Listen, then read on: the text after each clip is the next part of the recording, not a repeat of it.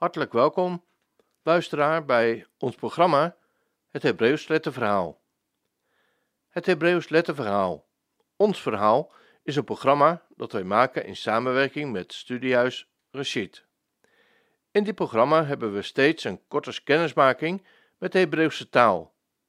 Het gaat niet om de taal op zich, niet om gegoochel met letters en met getallen, maar om de taal, met letterbetekenis en getalswaarde, als toegangstaal tot de Hebreeuwse Bijbel, de schrift geworden stem van Israëls God.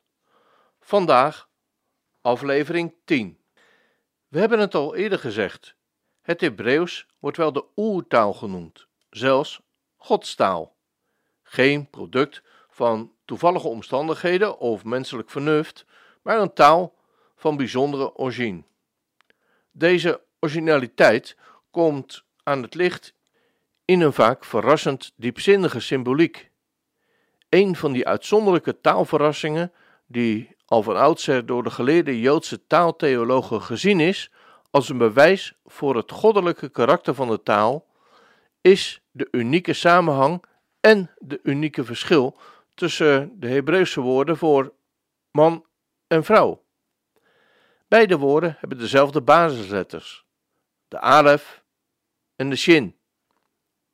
Met de alef behoort de sierlijke shin tot de meest diepzinnige letters uit het Hebreeuwse alfabet.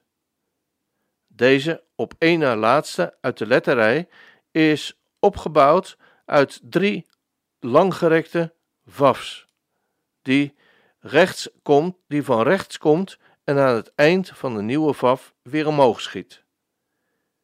Middenin verrijst een derde vaf.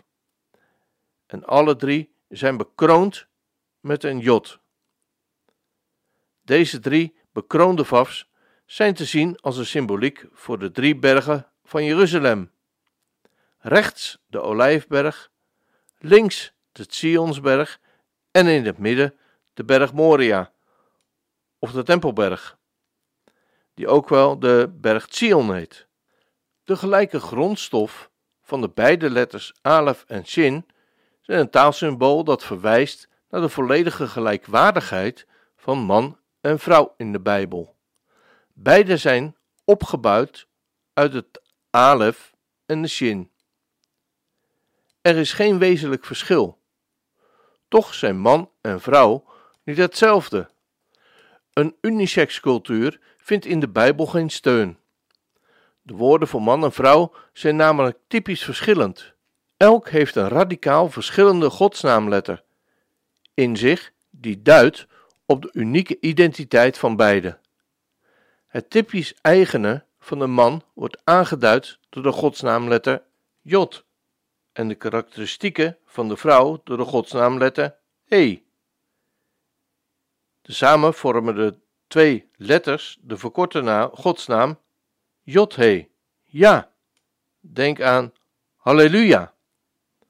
Daarin ligt een diepere symboliek, waar man en vrouw zich verenigen in een hecht verbond, tot één vlees worden, daar geven zij gestalte aan de godsnaam. Daar wordt zijn aanwezigheid zichtbaar onder de mensen. Daarom is echtscheiding ook zo'n diep ingrijpend gebeuren. Het breekt iets stuk.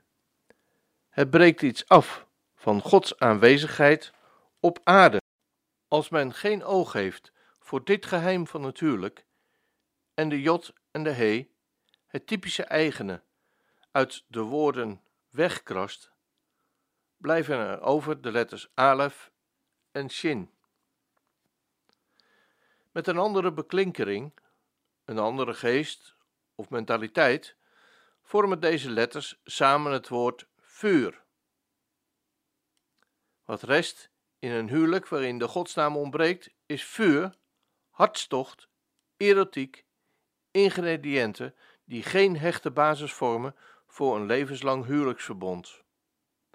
Als God zelf, de altijd aanwezige, niet meer tussen beiden is, als de onderlinge liefde en trouw niet meer zijn liefde en trouw weerspiegelen, als seksuele aantrekkingskracht nog het enige bindmiddel vormt, is er weinig perspectief over of voor een duurzaam samenzijn van die twee. Omdat in geen enkele andere taal ter wereld deze bijzondere symboliek voorkomt, geldt dit voor de Joodse taaltheologen als een van de eerste bewijzen uit het begin van de Bijbel dat het Hebreeuws de Godstaal is, zijn unieke schepping.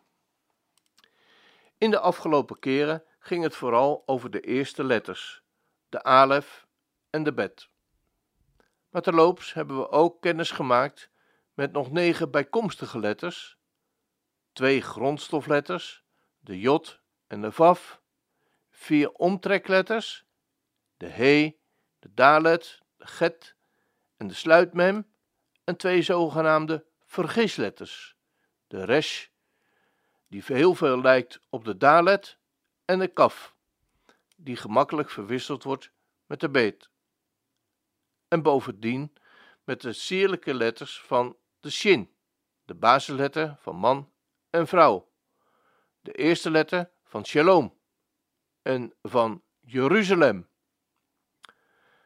In totaal zijn er twaalf letters, al meer dan de helft van de 22 van het Hebreeuws alfabet.